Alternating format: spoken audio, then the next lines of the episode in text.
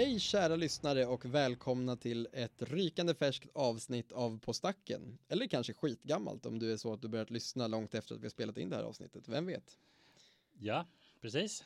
Vi är tillbaka på dagens PS som är min tillfälliga praktikplats. Vi får väl se hur länge vi kan vara här och spela in men vi fortsätter passa på medan vi har tillgång till den här fina utrustningen. Så tack praktiken. Mm, exakt och eh, ljudet är bra jag som har lyssnat på ett avsnitt. avsnitt Ja men 17. precis. Eh, som ni märkte så var avsnittet lite konstigt panorerat. Eh, det, vi ber om ursäkt ish för det, så här, vi är inga teknik-wizards direkt, så det får bara vara så det var. Det gick ju att lyssna på 100% och eh, vi tycker att det är kul att få ha lite högre kvalitet igen. Ehm, vi Så. tänkte börja med att tacka några vänner av podden. Eh, vi ska tacka Tobbe som hjälper oss att ladda upp avsnitten. Vi ska tacka Ember Artworks som har gjort våran textlogo. Vi ska tacka Mackarna, Marcus som har gjort våran eh, fina jingel och eh, så ska vi också tacka Nick som har gjort våran eh, logotyp. Precis. Och eh, ja, eh, dessutom kan vi också berätta att vi idag har med oss hunden Sickan som en extra showhost här. Hon är lite tystlåten, eh, hon är med i rummet för mina föräldrar eh, behövde hundvakt ikväll. Ja, jag är en 1-1, 2-2, Mm. first strike. Hon är definitivt en 1-1 utan abilities. Det vänder till och med. Ja, hon är inte bra eh, i combat. Nej. Hon är väldigt kelig. Ja. Så precis, så om någon ylar eller skäller så kan det vara Edvard. Men det är Men förmodligen Sickan. Förmodligen Sicken, ja. Ja, helt sant. Ja. Eh, ja, nej men eh, som sagt, det är ju lite roligt också, för tillfället bor ju både Harry och jag i eh, Stockholm. Normalt sett bor ju Harry i Stockholm och jag i Eskilstuna. Men jag har eh, det stora nöjet faktiskt att eh, spendera några månader i Stockholm, tror aldrig jag skulle säga det. Men ja, så är det. Jag har ju praktik här nu genom min utbildning, så nu, nu blir det smidigt att spela in poddar. Du har gått hit från jobbet, eller hur? Japp. Ja. Det tog inte så lång tid. Jag halkar inte. Du halkar inte? Nej, det är snöstorm nu i, i, eh, i Stockholm i alla fall och säkert i stora andra delar av Sverige har man ju hört. Verkligen, usch. Så är det. Men eh, ja, precis. Vi har dock inte lyckats spela mer Magic tillsammans ännu. Nej, kan men det bli är inte en- mitt fel. Jag försökte locka med dig ska jag ju säga. Ja, fast det var ju i Eskilstuna. Så det hade ju kunnat göra ändå, även om du inte bodde här. Nej, nej, jo, det är sant, men ja, vi, eh, det finns ju många tillfällen att spela. Det är inte det som är problemet. Nej, och vi kan väl, det kan väl vara en segway till en skamsen eh, på gång i mitt Magic-liv. Ja, precis. Du får väl börja då, för det kommer gå fort nu. ja, exakt. Nej, jag har inte haft, jag har inte spelat så mycket sista veckorna. Um, ja, jag har haft löjligt, jag har varit löjligt upptagen med eh, annat privat eh, av olika slag. Du har ju satt igång eh, ditt Tinder-konto igen. Ja, fast det, åh shit, jag stängde ner det nästan lika fort. Ja, det är så. Ja, men det var, det, det kanske var, det är som en portal, du vet, som man släpper in demoner genom. Du vet, seal the gate liksom, innan någonting kommer ut därifrån. Man sitter först och bara känner I need this power in my life. Och sen Exakt. så får man se liksom när man har gjort det stora pentagrammet på golvet och precis öppnar upp den så inser man misstaget och försöker stänga det men det är redan för sent. Ja, men precis så. Ja, Eh, precis så. Det är, ehm, eh, ja men verkligen. Och det här är, det kan jag avslöja, även, jag kommer nämna det här även på min eh, show and tell. Men egentligen vill jag inte ens prata om Magic utan bara om den här tv-serien Arcane, eh, League of Legends tv-serien. oj. Ja, Ja, det, det, nu är du, du har helt... inte sett den va? Jag har ingen koll på vad du pratar om ens. Ja, nej, eh, jag kommer till det sen också. Men där i alla fall så har, tar de, de som bor i the underground eller the undercity, de tar något som de kallar shimmer och det är typ som en drog. Mhm. Som är väldigt, den löser dina problem kortsiktigt men sen blir det jobbigt. Eh, och lite så känns det med Tinder också. Tinder när man ska bota den här eh, påtryckande ensamheten att Ja, först får du en liten dos av bekräftelse men ganska snabbt spiller det över i någonting, Japp. någonting annat kanske. så har det varit. Men eh, jag, har inte gjort något allt för dumt. Men vad jag däremot har gjort är att missa en lite Magic. Eh, men det betyder inte att jag inte har hållit på ändå på, mitt, på min lilla egna, i mitt lilla hörn förstås. Fortsatt sälja, fortsatt köpa, eh, fortsatt surfa runt, tänkt på lekar som man gör. Eh, jag har bland annat också stött på, jag har fått lite rullians på mitt Magic Card Market säljande. Jag Mm. har ju använt Card Market säkert lika länge som alla andra eller längre. Eh, men jag har inte sålt för den senaste tre månaderna kanske. Jag tror Något jag började sånt, lite sälja då. längre kanske. Ja, max ett halvår sedan. Jag har ingen tidsuppfattning. Men då började jag sälja i alla fall. Och det tar lite tid att komma igång för att man vill ju ha lite referenser för att folk ska vilja köpa av en. Ja, just det. Plus att man måste sälja tre gånger tror jag med, eh, med dyr frakt, alltså försäkrad frakt, för att, för att sen också kunna sälja billig frakt, om Ah, det ja, make någon sens. Ja, jag fattar. Eh, och nu har jag gjort det i alla fall. Eh, så nu köper folk lite kort av mig. Och eh, igår fick jag smarra min mest klassiska Magic säljupplevelse och det är att någon vill köpa något av mig som är redan sålt på annat håll. Det är väldigt harry ja, faktiskt. det händer hela tiden. Och på Svenska Magic gör inte så mycket för då kan jag bara tacka nej. Men på Card Market kan man inte tacka nej. Då är Utan- det redan betalt liksom. Ja, så då måste jag eh, be om en cancellation och så får de svara på det liksom. Och jag vet inte vad som händer om de vägrar. Eh, jag vet inte, jag antar att jag får en väldigt dålig ref bara. Så jag hoppas att det inte blir så. Just det, eller så får du bara fixa kortet, men det kanske är något sånt här helt oersättligt. Det var eh, Godzilla-varianten av, um, ja, vad heter den, Absan Mythicen, det är i alla fall Biolante. Nethroy. Nethroy, ja, Biolante precis. Den är Fattar. ofoilade. Den För är ganska dyr också. Ja, den foilade är ju dyr i alla fall. ja, det, men den behåller jag ju. Eh, har jag tänkt i alla fall. Om jag inte måste skicka den bara för att rädda mitt konto. Uh, ja, ja, whatever. Men så, så lite, den tråkigheten har jag, har jag varit med om igen och jag vet inte hur jag ska kunna jag vet inte hur folk gör. Jag tar gärna emot tips på era rutiner, alltså hur ni Jag kommer antar ihåg. att man måste ha nästan som en separat eh, card market have liksom, så man inte plockar ur sina kort eller att man måste ha stenkoll i något jävla Excel-ark. Man måste vara jättesnabb och ta bort det så snabbt man sålt. Alltså du gör inget, du får absolut inte göra någonting annat än att gå in på card market och ta bort det från din häv. Antar jag. Det är en, en lösning. ja. Ja. Spännande. Ja, inte särskilt faktiskt, men det, men det är vad det är. Det är vad det är. Eh, men annars, not so much. Jag tänker väl också på, ja men man tänker väl på um, saker som är på G. Jag spelar lite arena men inte jättemycket. Spelat Xbox istället och kollat på Netflix som jag redan har avslöjat. Eh, Du konkurrerar lite med butiken som du är delägare i genom att peppa folk på olika, vad heter det, secret lairs ja, som dundrar igång. lite dålig stämning där ja, emellan oss. det är väl inte så farligt, men det är roligt.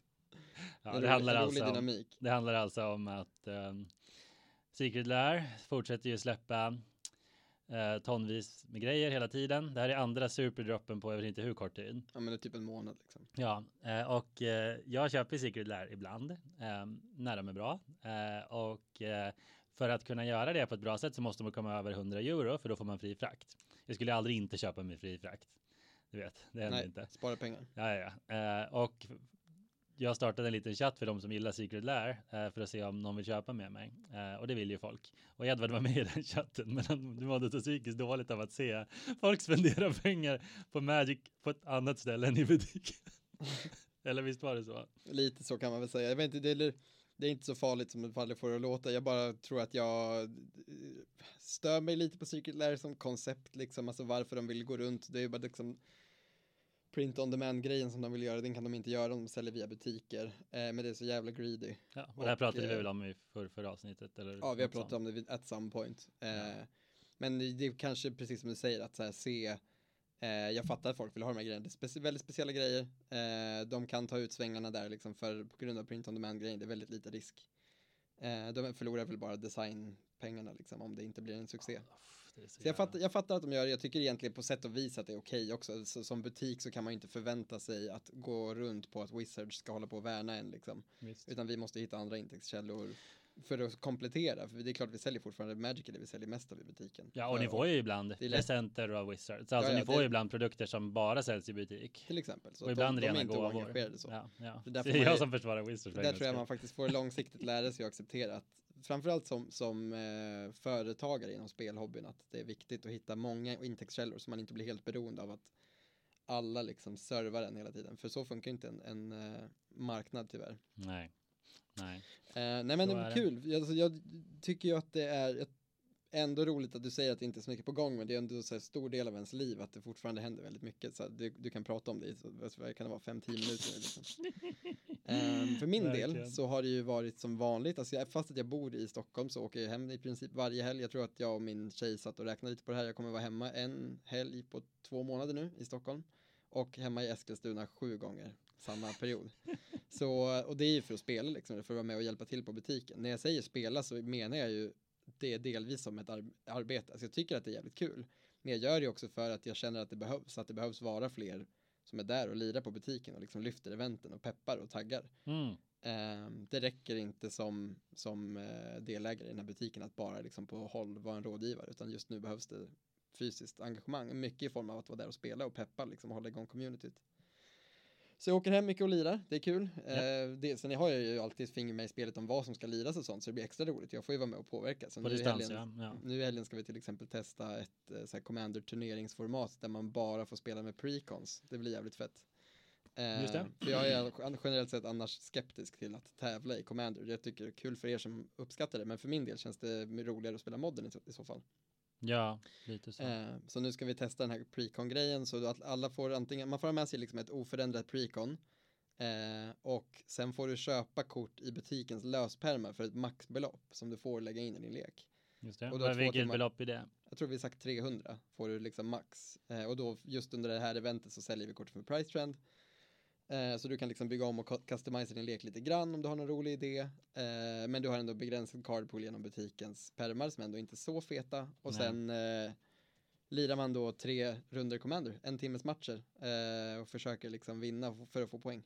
Just det. Och då är det vinna som man får poäng av. Ja, den här vi, vi har ju tävlat i EDH andra gånger och då har vi bland annat kört att man också röstar på vem som hade stjärnas lek. Exakt, man röstar och matchens play typ och sådana saker. Just det. Men nu är det bara eh, strikt vem som kommer etta, tvåa och så vidare. Ehm, sen har vi haft en del andra verksamheter på butiken som jag, ja, det är liksom kärnan i mitt Magic-liv som vanligt får jag Ja, säga. Det är ja. väl alltid så, så kommer det Visst, nog vara. ibland lite mer arena bara, men annars inga undantag direkt. Och sen har jag faktiskt kört Arena. Jag Ja. byggde en riktigt dålig standardlek som jag håller på att verkligen försöker få att funka med en sån här blåsvart fisk reanimator. Eh, Mm. med han eh, Rune och Stormcrew. Du, kör inte bra. du tänkte köra den i standard? Det är inte en bra idé. Men Ah, man, den här jävla synd. Leviathanen är så bra så att man vill bara få det att funka. Men det finns inget bra reanimate-kort i blåsvart liksom. Nej, grönsvart va? Ja, precis. Det skulle säkert gå. Monosvart? Ja, exakt. Det Men, det du kör eller? nej, jag kör blåsvart ju för att kunna. jo, jo, men du har svarta, monosvarta reanimator spells. Ja, precis. Så jag har funderat på att lägga in en grönt också, men jag har liksom inte riktigt wildcards för att supporta en trefärgad lek just nu. Nej. Jag har inte byggt något i standard sen Crimson WoW kom. Men jag vill väl, I guess, men jag har bara inte ingen lek som verkligen stått ut för mig. Nej. Nej, men vad, jag skulle säga var i alla fall att det, det spelas lite arena i veckorna och sen så är det hem och, hem och lira på helgerna och, Japp. och jobba med butiken. Japp, japp. Nice. Ja, vi har ju som vanligt ett tema för avsnittet och det är väl lika bra att sätta igång. Ni har redan sett det på titel, men den här gången så kommer vi prata om vitt, en eh, av Magics färger. Eh, och eh, som ni kanske förstår så öppnar ju det här för att vi kanske kommer prata om de andra färgerna och andra lite så här mer nischade teman framöver. Eh, ett sätt att ja, verkligen få ge sig in i någon del av Magic och som ni kommer märka så hinner man ändå bara alltså peta på ytan även på liksom ett så nischat ämne inom Magic. Man skulle kunna prata liksom i flera avsnitt om vitt och jag tror utan Ja. att det ens blev tråkigt att lyssna på. Det är min, för, alltså min förmodan är att det är så faktiskt. Nu har vi Ja, inte gjort det än, vi ska ja. precis spela in det här men bara på liksom min avsnittsplanering så ser jag ju att ja, vi kommer precis hinna klämma in det ytligaste om vitt liksom. Det lär väl bli så om jag känner oss och Magic rätt. Så ja, eh, let's go I guess. Alla som lyssnar på den här podden så här långt vet ju att Magic har fem olika färger och de här olika färgerna är förknippade liksom med väldigt olika känslor och, och stilar och eh, tropes. Alltså det finns ju verkligen en karaktär kopplad till, eh, till varje färg. Visst, Och den här gången ska vi prata om vitt. exakt. Eh, och vitt är ju den första färgen på Color Wheel. Var det därför du tips, tyckte vi skulle prata om den först? Ja men precis, lite sån här eh, hobby, eller vad ska man säga, lite sånt här eh, OCD. Hobby OCD, att det är så, så cirkeln ser ut, så då börjar man där. ja, nej men för all del. Och alla collector number börjar alltid med de vita korten. Så. Mm. Nej, jag vet inte, så sorterar man sin perm så eh, skriver man eh, Wooberg. Jag vet inte, det är Mm. bara så det är. Ja, så är det. Så är det bara och fråga inte varför vitt är först. Eh, det är det så. Eh, det vet vi faktiskt inte. Eh, men i alla fall. Ja, exakt. Fem färger. Det har varit, alltså, det kan vi börja med att säga att eh, en stor del får man ändå eh, anta av Magics. Nu, om någon undrar vad som bröslar så är Edvard matar hunden. Eller hur? Ja, jag tyckte de såg lite goda ut att det låg något i en påse på bordet. Jag undrade om det var till mig, men Nej, nej, nej, nej. Ja, till Nu är det, det är hundigodis. Ja. Eh, ja, en stor del av Magics framgång, uh, åtminstone framgång som, ett, som det bra spel det är, eh, är ju um, The Color Wheel och Color Pie och de fem färgerna. Oh ja. Eh, Det tror vi pratade om i allra, allra första avsnittet helt ärligt. Alltså den elegansen eh, som det erbjuder. Att ha liksom de här fem färgerna, att du typ får välja ditt lag och kombinera ditt lag. Eh, och att varje har liksom sin distinkta identitet, som du sa, eh, och sin stil, alltså både estetiskt. Man ser ju om ett kort är vitt ofta, eller hur? Alltså alltifrån liksom eh, såklart vackra slätter, men också typ slott och borgar, liksom ståtliga rakryggade soldater, liksom av, av olika slag, eller, eller liksom mäktiga änglar och, Oh ja. och liknande. Eh, så att det har ju alltid eh, och, och det är en del av att vissa dras till den. Till, man, man väljer väl ofta sin favoritfärg mycket beroende på eh, stilen, men också mekaniken. Och vi tänkte väl försöka snacka om just Vitts, eh, eh, ja, Vitts roll i Magic, vad det har blivit eh, och varit också säkert. Absolut, och det tror för i alla fall för, för min del, det du säger är väldigt sant. Alltså de flesta har ju en så här, vilken är din favoritfärg? En otroligt basic fråga om Magic, men som ändå lite så här definierar varför de här färgerna har en så stor betydelse. Alltså det blir någonting du identifierar dig med som spelare. Det blir någonting så nej, man, det här har man ändå hört folk säga, nej jag spelar inte insert färg. Mm. Ofta, Oh, ja. vi, ofta vitt för att vara helt ärlig. Ja, Eh, ja, det kan vi kanske få, det kanske kan ta den liksom, den eh, elefanten i rummet direkt att det är ju, är det, är det för drastiskt att säga att det är den minst populära färgen? Det tycker jag inte. Jag tror det. Så här är det ju. Det är ju, alla har ju, Magic är ju liksom inte på det sättet att någon aldrig har spelat vitt, det kanske finns något ufo liksom. Men det är, poängen är ju, det finns ju ofta liksom en, för, en förkänsla inför färgerna. Spelar du kompetitivt så kommer du ändå ofta doppa tårna i alla färger. Mm. Och to be fair, det finns någonting att gilla inom de flesta färger, så även spelare som föredrar någonting eh, kommer ju ofta ha spelat en, något annat också. Mm. Men just vitt hör man ju ofta liksom en typ av gnäll på, en typ av eh, dålig inställning till. Och för att vara helt ärlig, det är ju mycket av det som är vitts grej är ju några av de tråkigare, för, för många tror jag i alla fall, tråkigare grejerna med Magic. Du, du tänker spelmekaniskt? Spelmekaniskt, absolut. Ja, men visst. Är visst. Vad, vad tänker du på specifikt? Okej, men en väldigt osexig mekanik som jag tror för de flesta tappar liksom eh, attraktionskraft för varje år man spelar spelet är ju life gain. Alltså någonting som på pappret ser väldigt attraktivt ut. Eh, för livet ser ut, i början av Magic så tänker man att livet är liksom allt. Mm. Mm. Det är den mest uppenbara liksom, eh, Resursen. resursen i spelet. Och då blir det så, ah shit, det här kortet ger mig åtta liv. Det är hur bra som helst, oavsett vad det kostar liksom, för jag får ju mer av den här viktigaste resursen. Mm. Eh, men det har, och det har ju varit liksom det vitt är, vitt är ju bäst på life gain, bland annat då. Ja. Eh, så det, det är en av grejerna. Det är ja, kanske inte den sexigaste mekaniken bara. Den är uppenbar, den behöver finnas, men sällan den, den sexigaste. Nej, Och- precis. Vigilance, väldigt vit ability, men kanske den tråkigaste av de evergreen keywordsen. Shit, skit inte på Sarah Angel nu. Nej, men, to be fair, alltså, så här, det, den är inte super, det är, det är inte någon så här breathtaking, Nej, nej visst, visst. häftig grej, utan bara Nej, väl- nej. Alltså vitt tänker jag är liksom, det är den här play it safe grejen. Alltså lite Mm. den grejen. Alltså vitt är ändå ofta, nu det är ju inte alltid så i spelet, det finns ju det här, är ett alldeles för komplext spel för sådana enkla sanningar. Men på något sätt känns vitt lite som den här, eh, alltså vågar inte ta risker. Det är det som är vitt på något sätt. Alltså, och, och hur kul är det i längden när du Nej. spelar ett spel där det inte Jo. finns någonting liksom att förlora. Du Ja, kan inte dö av att spela det. det. Det finns ju väldigt mycket utrymme för att ta risker i Magic. verkligen. Verkligen. Och sen tror jag att vitt får skit av framförallt två kanske, eller två andra ledningar som jag tror är väldigt moderna. Och den ena är ju att eh, life gain har pushats rätt hårt eh, och just lekar som går ut på att, eh, alltså det är alltid nästan i alla nya expansioner vita kort som triggar på att du gainar liv.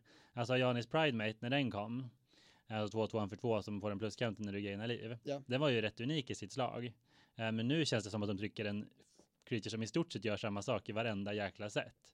Och det råkar vara en av de mest lättspelade eh, och ofta bra lekarna på Arena. Eh, och eh, folk hatar den jävla leken.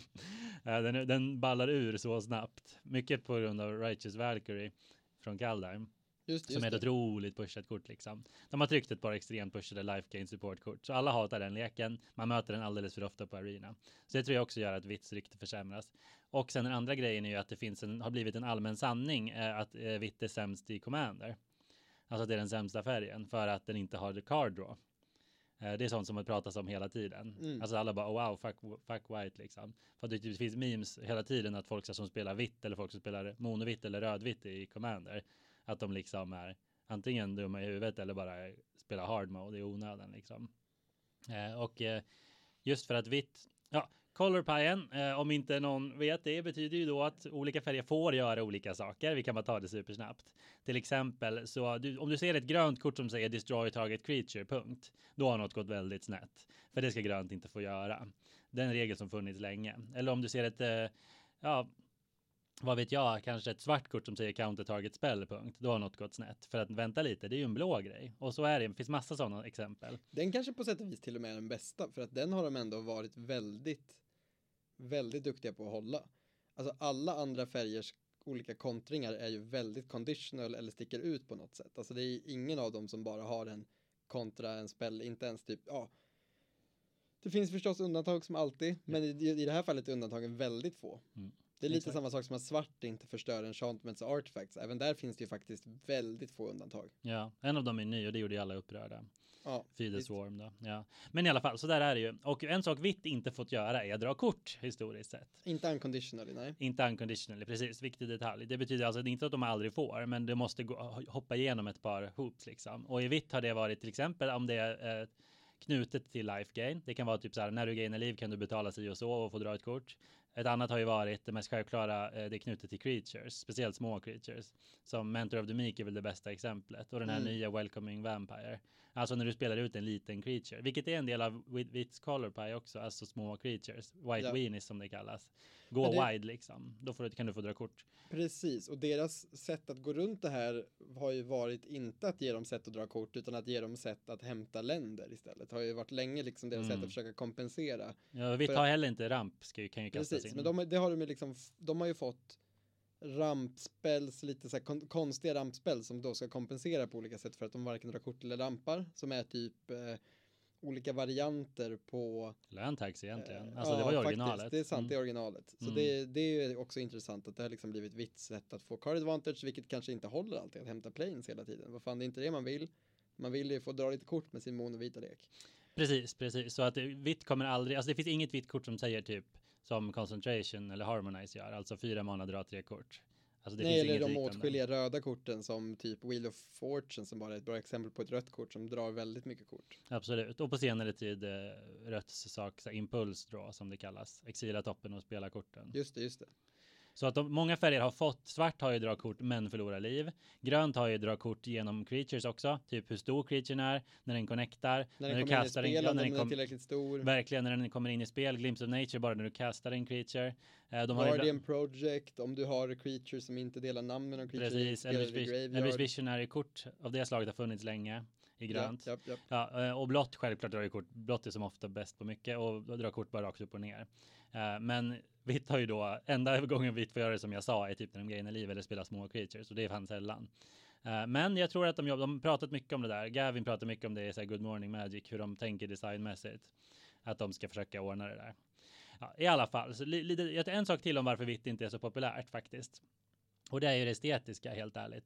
Jag tycker att vitt är lite som att, att spela vitt är lite som att typ välja human i WoW. Förstår du vad jag menar då? Mm. Det Alltså, ska dock sägas, det är en rolig anekdot innan du Ja, springer in igen. För Human är, tror jag i alla fall på min tid, var den mest spelade eh, racen i WoW. Konstigt nog. ja, det, det kanske säger emot min, min, min, mitt case här. Men bara se om, om, om du håller med om åtminstone Kan, grundprincipen. det kan dock vara för att de hade typ den bästa sån här race abilityn i PVP och att det bara Okej. var så enkelt. Okej, ja. ja. Men, men i alla fall. Nerdbud. Ett annat, okej, ett annat exempel då som eh, inte har med spel att göra. Det är lite som att välja vanilj eh, när man köper glass, att ha vitt. Mm. För att vad är vitt, alltså hur ser vitt ut? Jo, det är liksom människor ofta, soldater. Eh, ibland, Ordning och reda, pengar på fredag. Ja, exakt. Precis, vi kommer lite mer med filosofin, men om man tänker bara på hur det, så här, hur det ser ut så är det ju mycket. Det, det, det, det här är en, cool, en soldat i rustning som slåss för rättvisan, typ. Mm. Alltså det är liksom ganska så här, ja, det är schysst. Så här, det är inte att det är ocoolt. Det är klart att så här, vem av oss gillar inte en, en bra liksom eh, klassisk fantasy. Typ Sagan om ringen handlar ju om människor eller så här, människoliknande varelser. Det är inte att det är ocoolt. Men när det ställs bredvid alternativen. Mm. Homari, nej jag skojar. Men eh, alltså du har ju asmycket balla grejer som händer i Magic med typ Ja, elementals och massa eh, jättar. Varje set har sin liksom sjuk, Ja, visst, sina visst. olika coola quirks och sånt. Ja, och för att inte tala om liksom nu för Innistrad, Vampires, Ja, Zombies, och då är ju ofta män, människorna är liksom. ofta där för att det ska finnas liksom någonting att relatera till, men de är ju väldigt sällan det som sticker ut som det grafiskt coolaste. Verkligen, det finns det ju massa humans som är väldigt populära såklart. Visst, så, som vi visst, kanske visst, kommer komma till. Eh, absolut. Nej, och nu har vi ju ändå spenderat typ en hel del tid med att dissa vitt. Det ska ju sägas att vitt är ju eh, skitnice, mångas favoritfärg och eh, alltså har massa saker going for it. Vi kommer ju komma in på det. Jag tänker att vi får till och med Exakt. fokusera. Vi kommer ju in på att börja hylla vitt snart. Ja men Absolut. verkligen, jag kan till och med faktiskt också bra sak att bara flika in så här innan, innan man missar den och det är ju att det är det som också gör Magic till vad vi tycker är världens bästa spel, nämligen att trots att vi ändå var rätt överens om att det finns en färg som är minst populär, vitt, så betyder det inte att den är en flopp på något sätt. Alltså jag menar, Magic är så välbalanserat eh, så att det inte är som att man känner så här, "Ah, alltså det här spelet är bra men det förstörs verkligen av att vitt är så jävla piss. Nej, nej, nej. Det säger ju ingen. Alltså, även de som hatar på vitt. Alltså det, vitt är alltid någon del av metat i alla format. Så pass välbalanserat är det ändå. Och det har ändå så pass många fans att man, det är inte som att man kan liksom spendera en hel helg och spela Magic och aldrig möta en vit lek. Det är klart nej, det kommer nej. göra det. nej, visst. 100 procent. Ja, verkligen. Eh, Och så, så ingenting, när vi säger att det är den minst omtyckta färgen så betyder det inte på något sätt att det är en, ett misslyckande att det är så. Någonting måste bara vara minst populärt. Eh, Och kanske är det med en, bara med en knapp marginal, helt ärligt. Jag har inte siffrorna. Nej, inte jag heller. Och eh, som sagt, vi, vi hoppar vidare. Du började prata filosofi, så jag tänker Ja. att vi, vi går in lite på vad som är vitt filosofi då. Det är en del av color pien att det handlar inte bara om mekaniker så som så här vilka förmågor får färgerna och vad får de och får de inte göra, utan det handlar ju också om det finns ju något mer och det är ju lårmässigt, fluffen liksom eh, och, och eh, i filosofin då som du sa. Alltså att alla färger har sina egna värderingar, alltså vad de tycker är viktigt, det som avgör vilken färg man är liksom. Lite som Hogwarts-husen, alltså eller hur? Eller som så här röd, vit, blå personlighetstyp eller något sånt. Mm. Alltså de olika färgerna tycker och tänker på olika sätt. Visst. Eh, och vad är, vad är vits eh, grej då? Vad är det första du tänker på? Som känns mest självklart. Alltså så här, om jag ska vara helt ärlig, nu tror inte jag riktigt på det konceptet så, men det är ju alltid, eller ofta skulle jag säga, the good guy. I de, här, traditionellt sett i Magic fick ju vitt ofta representera liksom godhet och eh, rättvisa. Ja, ja, och, exakt, exakt. Och förlåt för att det bara för bra passande att du sa det. Du får väl- väldigt gärna fortsätta väldigt snart. Men det, nej, det, jag tror också det var egentligen inte det jag menade när jag rantade där om vanilj och humans och så. Att jag tror att folk bara inte vill vara de goda för det är lite tråkigt. Faktiskt. Alltså så är det lite tråkigt ofta- att bara välja det de så. goda. Ofta är det så. Ja, fortsätt. Men exakt, så jag, jag tror du har helt rätt att de har fått den, den rollen. Ja, för traditionellt sett liksom, vad, har, vad är deras typ eh, ärke creature? Jo, det är ju typ ängeln. Det är ju Mm. liksom den vitaste creaturen du kan komma på. För humans finns ju i alla färger, liksom, Japp. har alltid funnits i alla färger. Ja. Men traditionellt sett är ju änglar liksom, det är vita varelser. Ja, det är deras Eh, iconic som och det kallas. Ja. Någonstans får man väl ändå säga att vita, eller änglar menar jag, representerar någon slags moralisk eh, godhet och, och rättvisa. Och eh, sen är det klart att det är en förenkling och den förenklingen Mm. funkar inte helt i Magic-loren och sådär heller. Men, men det är ändå någon slags magkänsla som man har om den här färgen.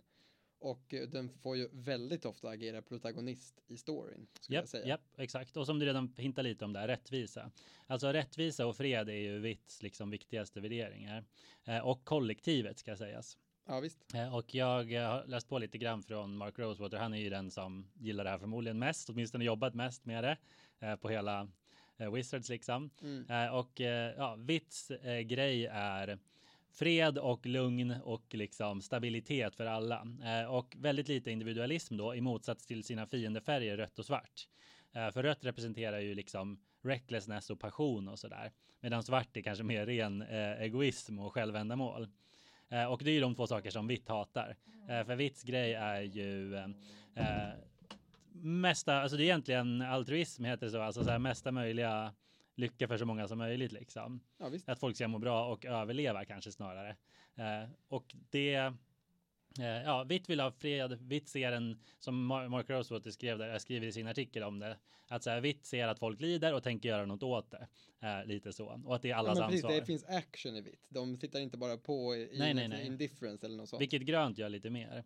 Grönt är lite mer så ju. Låt det ske. Ja, Absolut. naturens vilja liksom. Där, där, ordning och reda. Eh, liksom men- att det finns en ordning i det, men vitt tänker skapa den ordningen. Det här är ju en av de mest eleganta sakerna med den här color pie grejen att alla färger går ju på något sätt in i varandra men vänfärgerna går ju mer in i varandra och där kan man ju säga att det finns någonting parallellt liksom i att vitts order grej den känns ju igen mycket i blåa alltså blått kan också ofta stå för någon slags order och stabilitet men inte för det här eh, rättvisetänket det känns ju inte alls igen i blått de bryr sig Nej. inte liksom Nej. och samma sak om du går över i det gröna, att där det här kollektiva Japp. och det här eh, att, eh, ja men, eh, ja, det kollektiva och någon slags liksom strävan efter, eh, Gemen, det gemensamma liksom. ja, det Och- finns ju i det gröna. Men Japp. där finns å andra sidan inte det här med ordningen. Det är helt borta i, alltså de bryr sig inte om, de bryr sig om en sorts ordning kanske, naturens ordning, Ja. men inte liksom om, om order generellt så på samma Nej sätt. men exakt, så, så vitt, eh, vitt vill liksom att alla ska må bra eh, och alla ska få vara med. Men eh, det finns ju många saker som gör att den planen inte går enligt vägen och det är där vitts liksom mörka sida kommer fram. Och det är ju nämligen att för att det ska funka, för att det ska bli fred, så måste ju, du vet, måste ju folk ställa sig i led. Eh, och det är där vitt inte har problem med att ta till nästan vilka metoder som helst för att komma dit. Nej. Eh, Alltså vitt krigar ju gärna för fred eh, och vitt använder ofta som Mara också skriver alltså eh, kollektivet liksom ibland ren eh, manipulation och framförallt religion, lagar, byråkrati eh, för att få ordning och fred liksom. Ja, Azorius är ett bra exempel. Ja, det, Azorius, liksom. där, där är går det ju som det längst vitaste liksom. gildet i, Det- ja, i Ravnica. Vitblåa liksom när de använder, eh, men precis, inte intellekt, det blåas kanske intellekt och liksom ingenuity för att hitta på ännu mer jobbiga sofistikerade metoder för att få folk att ställa sig i led. Japp, japp. Eh, Så det är verkligen Vitts grej att fri, det, vad heter det, jag tänker på det här roliga Futurama-citatet som är en meme. We will show them our peaceful ways by force. Det är lite det Vitt Ja gör. men verkligen. Jag tycker fan, det, Ravnica är ju ett otroligt bra exempel på när de här färgerna gifter sig som bäst. Eller när, hur det visar sig liksom. Du, du tog precis upp det med Azorius, det är samma sak om man tänker på det eh, på Celestia. Ja. Där, det, alltså det kollektiva gildet. Där har de verkligen förenat det kollektiva, som är det vita och grönas liksom mest gemensamma, i någon slags, eh, ja, i, i, i, ett, i en gemenskap. Och då kommer vi även in på fiendefärgerna. Liksom. Vad händer när du ska försöka förena det vita och det röda som skiljer sig på väldigt många sätt? Mm. Jo, men då är det kanske just det här krigiska som eh, går ihop bra för dem. Alltså att båda färgerna har lätt för att ta till hårdhandskarna. Ja, och båda värderar eh, styrka Ja, men Eh, precis. och skicklighet liksom. Så Eh, då liksom olikheterna set aside, vad möts man i? Och då möts man liksom i styrkan och skickligheten i strid kanske. ja, visst. Och det syns ju väldigt väl i och, och fallet. övertygelsen tror jag också om vad som är rätt. Ja. Eh, För rött kämpar ju mycket för individens rätt. Alltså så här att om du brinner för något så kör hårt. Medan vitt är mer så här, vi vet vad som är rätt, vi som kollektiv. Och ni ska ställa er i led liksom. Men Mm. de gör ju vad som helst för att nå dit. Vitt tror ju också mycket på så här, ja men renlighet. Alltså de är ju, de är ju, de är ju kristdemokraterna faktiskt. Alltså de är ju, Kristdemokrater slash kommunister, de är väldigt Ja men någon blandning faktiskt. Det kanske är det. En blandning av kommunister och kristdemokrater. De tror mycket på, de vet, de är, de är lite överlägsna och lite kaxiga på det sättet att de vet vad som är rätt för alla. Ja, visst. Eh, och vad, vad gruppen behöver. Eh, mycket också så här ära, community, eh, men gärna liksom som sagt religion, regering och sånt där som behövs för att just få, få den där ordning och redan som de värderar så högt. Där det börjar bli svårare på något sätt, där tycker jag det är när vi kommer in i det vitsvarta. Mm. För att svart och vitt känns ju som Magics kanske starkaste antiteser. Visst, och det Mycket, ser man ju redan mycket i, tydligare än de andra fiendefärgerna skulle det ser vi redan i White Knight och Black Knight från Alpha. Ja men verkligen, så skarpa skillnader liksom. Och vad, vad är liksom Azorius grej, eller vad säger jag, förlåt, Orsovs grej liksom. Hur förklarar man det vitsvarta? Jo, du har ju det kollektiva på sätt och vis i, i liksom Ja, det finns någon slags enighet i det här jävla spök... Eh... Ja, det verkar, de är lite banken ju på Ravnica. Ja, precis. Men jag tänker att det mycket blir typ så här, order är en grej som vitt och svart ändå någonstans kan mötas i. Det finns ett utrymme för, för någon slags eh, sån order. Men svartast den här extrema egoismen krockar så jävla hårt med vitts det här kollektiva, så alltså, det är väl det som liksom faller i det samarbetet på något sätt. Visst, men ändå blev det ju något och det blev ju det här. Alltså det, det, det kommer ju vitsvarta karaktärer då och då, halvofta liksom. Eh, men, men, men färger kan ju också mötas, inte bara i filosofi utan också liksom i det ren- mer estetiska fantasy tropes. Som till exempel i vittsvart blir det ju ofta spöken till exempel. Som, eh, och sådär. Så att de kan ju använda det också för att skapa vitsvarta karaktärer liksom. Men annars verkar det ju som att vitsvart är liksom en kanske mer korrupt form av regering. Kanske det Ja, också. jo, så är det ju. Eh, Alltså att det, det vitsvarta kort är ofta sådana som ja, de tänker på kollektivet, men eh, de är mer okej med att individen göttar sig på det. Ja, Lite så. Eh, Och, men, och de kanske faktiskt tror, kanske på ett fascistiskt sätt, vad vet jag, att det är kanske ändå bäst för alla, att det är så här. Men svart tror ju att eh, är ju tok individualister i den mån att de tror att det enda som eh, att om alla bara kämpar för sin eget bästa, det är oundvikligt så är folk och eh, om man nu kan kalla de andra sakerna i Magics värld för folk, men så är alla liksom. Alla kämpar för sitt eget bästa. Eh, men vitsvart tänk, tror jag tänker lite så här att alla kämpar för sitt eget bästa och det är verkligen bäst för alla. Det måste vara så här liksom. Eh, Mm. och om vi samarbetar det på ett bra sätt, om vi koordinerar det bra, så kommer det ändå bli rätt nice för alla liksom. ja. Kanske. ja det är spännande. Men eh, vi Är du, vilka färger är du? Har du gjort ett test någon gång? Ja, jag tror att jag blev eh, blåsvart kanske. Ja, Logisk och eh, ja, men, ambitiös eller något sånt om man ska använda snälla ord liksom. mm, precis, precis. Jag gjorde, jag gjorde, jag hittade ett test som var ganska Men, långt. de- ja. Eh, eh, och jag, jag tvingade faktiskt några, några kompisar och eh, något ex också göra det. Det var ganska kul. Folk gillar ju personlighetstester. Jo, det är sant. Ja, jag blev i alla fall vit, blå, svart till och med. Mm. Eh, Man kunde bli trefärgad i den. Eh, Ja, i alla fall. Det, det är lite kul, för som, som du märker när man pratar om det, det är väldigt lätt att göra paralleller till verkligheten och det är ju helt meningen att det ska vara så liksom. Verkligen. Ja, Visst. vi, vi tänkte glida in på det här med eh, lite creature types som Mm, är eh, japp. Symboliska på något sätt för den här färgen.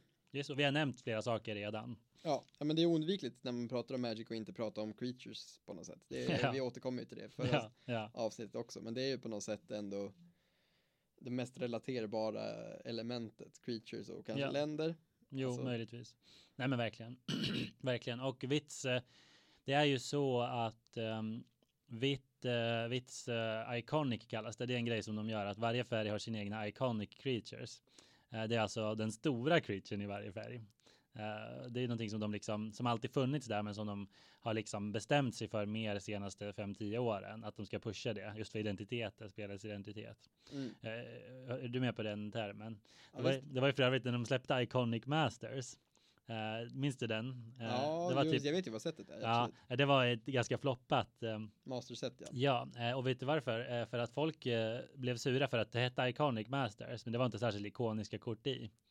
Men vad det var däremot var ju många av eh, deras olika iconic inom citationstecken. Det var bara det att communityn hade inte förstått vad den termen betydde hos Wizards. Mm. Alltså iconic för dem betydde änglar som är vitt, drakar som är rött, demoner som är svart och så vidare. Hydror är grönt och svingsar är blått. Eh, alla färger har en. Ja. men det hade inte folk fattat. De tänkte iconic var ju bara men de mest ikoniska spelsen. Så de bara, vad fan, var är lightning bolt? Var är dark ritual? Du vet. ja, visst. Eh, så det, blev en, det var en av förklaringarna till varför den floppade så hårt, den expansionen. Ja, Mm. I alla fall, lite trivia sådär. Men Vits Iconic är såklart änglar. Och alltid varit. Ja, och ja, vad ska man säga? Stora, stora starka brudar som flyger in och gör livet surt för motståndaren. Eh, vad, det är ju en rolig grej med Magic att änglarna alltid är kvinnor. Nästan allt. Det finns alltid någon Ja, det är nästan. klart det finns ja. undantag. Ja. jag menar, det, det är ett så pass, det finns så undantag som bekräftar regeln nästan. Ja, i Magic finns det fan alltid det. Ja, men, men för att det skulle ändå våga säga att eh, änglar i generellt sett i Magic är kvinnor. Ja, ja, ja, ja, ja. Det, det, och det är ju roligt, dels för att Magic inte alltid har varit ett spel som har brytt sig om representation på korten. Nu för tiden är vi ju bortskämda med ett spel som verkligen har, alltså man tänker inte ens på att det skulle vara överviktat åt något håll, för det är inte det. Nej. Men, men just änglarna har ju liksom funnits där since the start och hållit upp fanan högt för, eh, för kvinnorna. Ja. Och det är ju I alla fall snygga kvinnor eh, med stora vingar. stora vingar. Men Mm, Eh, änglarna är ju ett ikoniska för att de väldigt ofta har varit bra. Det är en kul grej med änglarna. Alltså många gånger i Magics historia så har det funnits änglar som har varit alltså starka i Constructed och framförallt i Limited, men verkligen i Constructed också. Mm. Alltså typ Baneslayer när den kom, en av de Den- bästa ja. creaturesarna i kontrolllekar någonsin liksom. Det var det då i alla fall. Jag blev, man blev ju helt golvad när den kom alltså. Sarah fucking Angel, alltså Mm. hon skrämde ju liv i formatet när hon var ny. Ja, hon spelas ju fortfarande i old school, alla old school format. Det är ju typ en av de bästa creaturena överhuvudtaget. Ja. Samma sak, vilken är den absolut bästa gubben skulle du säga i premodern? Alltså den starkaste creaturen, bortsett från manakostnader. Akroma. Det är fucking Akroma förmodligen. ja. En ängel. Japp. Den enda. Du har liksom tio, lite drygt tio år av Magic-historia. Där den starkaste creaturen är en ängel, som är monovit. Det är sant. Det är sant. Uh, förlåt, mer trivia. Akroma är den enda monovita creaturen med haste tror jag. Och kanske aldrig kommer komma en till. Det är lite kul. Roligt, det visste jag inte. Om det är sant så är det coolt. Jag tror det. Jag inte den enda monovita med trample, för det tror jag finns en till. Men det ah, ja, whatever. Men du har helt rätt, så är det verkligen. Och, eh, och i Commander är det samma sak. En av de värsta och bästa creaturerna i formatet är ju Avacyn, Angel of Hope. Som Just också det. fick bära hela, ett helt, ett helt set, Avacyn Restored som ingen gillade. Eh, men väldigt var det enda chase-kortet liksom hela... Ja men typ. Eh, och Cavern of Souls är rätt bra också. Men, Jo, jo. Lite men creature, bästa creaturen i alla fall. Eh, och den är löjligt pushad. Eh, och uh, Det är otroligt big. som säger att alla creatures är indestructible. Alla permanent till och med. Hon själv också? Ja, Oj, det är väldigt jobbigt. du har inte mött henne på ett tag. Nej, det var länge sedan. Ja, men hon är ju också ansiktet utåt för hela det sättet och för mycket av Innistrad story. Hon spelar jättestor roll. Väldigt bra exempel på när de har lyckats göra typ det mest påtagliga kortet eh, representativt i spelet också. Ja, Alltså exakt. fluffmässiga påtagliga kortet, det som alla kan relatera till. Ja, visst. Och hon, precis. Och, och Innistrad nu när vi i Crimson Vow och Midnight Hunt, eh, storyn kan ju bara hända mycket för att Sorin dödade Avacyn i slutet av förra storyn. Okej, I Shadows of Innistrad. För Sorin skapade ju Avacyn för att skydda Innistrad. För att han tyckte att det gick för långt. Alltså vampyrerna och hans, därför de ogillar honom också. För att han såg att vampyrerna är ni för mycket. Alltså min, min sort. alla människor där höll på att dö. Ja, min sort är too much. Han gav människorna Avacyn, för det här var innan The Mending, så han var väldigt mäktig. Så han Mm. kunde göra sådana saker, som att bara skapa en ängel. Det kan ju inte Planeswalkers göra längre. Nej. Eh, Så han gjorde det. Och hon, ja, hon kom en kyr kyrka runt henne och hon skyddade planet. Men han var tvungen att döda henne eftersom hon blev galen då på grund av Emeralds influens och sådär. Fett cool story faktiskt. Vi har blivit ombedda att göra sådana lore-avsnitt. Det kanske Okej. börjar bli dags snart, men som Ja. vi Och det konstaterar. låter kanske nu som att jag har full koll, men jag ser mig absolut inte som en lore-expert, inte ens nära. Nej, för det känns som att om man ska, där faktiskt, om vi ska prata om liksom strikt om loren typ i ett set i 40 minuter, då börjar vi, måste vi göra något som vi båda är väldigt ovilliga till och det är att göra riktig research. Japp, Inte bara snacka om de random åsikterna och Japp. trivian vi råkar besitta. japp. Men, har du något mer om änglar eller ska vi? Nej men vi går Ja. vidare till creature type nummer två som är soldater, också en väldigt ikonisk vit creature type faktiskt. Japp. Eh, det är ju oftast i form av tokens får man väl ändå säga, det är den mest liksom klassiska soldaten, ett Mm. etta Mm. token, Mm. som förr i tiden inte ens var human, det var bara en ett etta soldier token liksom. Japp, japp. Exakt, Soldier har ju blivit en klass snarare än en race. De brydde sig inte om sånt förut. Nej precis. Men det är något de lagt till i Magic sen. Att alla kort har, de flesta kort har både en klass och en race. Ja. Eh, och det är ofta human soldiers, men det finns ju också cat soldiers, core soldiers, det. soldiers, vilket också jag då kan nämna några andra typiska vita creatures. Det är sant. Eh, och, och så. Eh, men, men soldiers är ju till skillnad då, rött har ju warriors, jag förvirrande vad som är vad, varför, vad, exakt var gränsen går, men jag antar att soldaten är mer disciplin.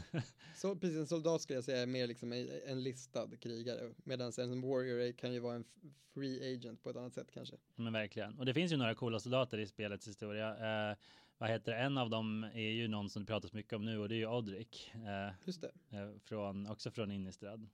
Eh, att han, folk blev ju väldigt upprörda nu när de tyckte nya rödvita Odrik för att han är, han är kiss, att han är skitdålig.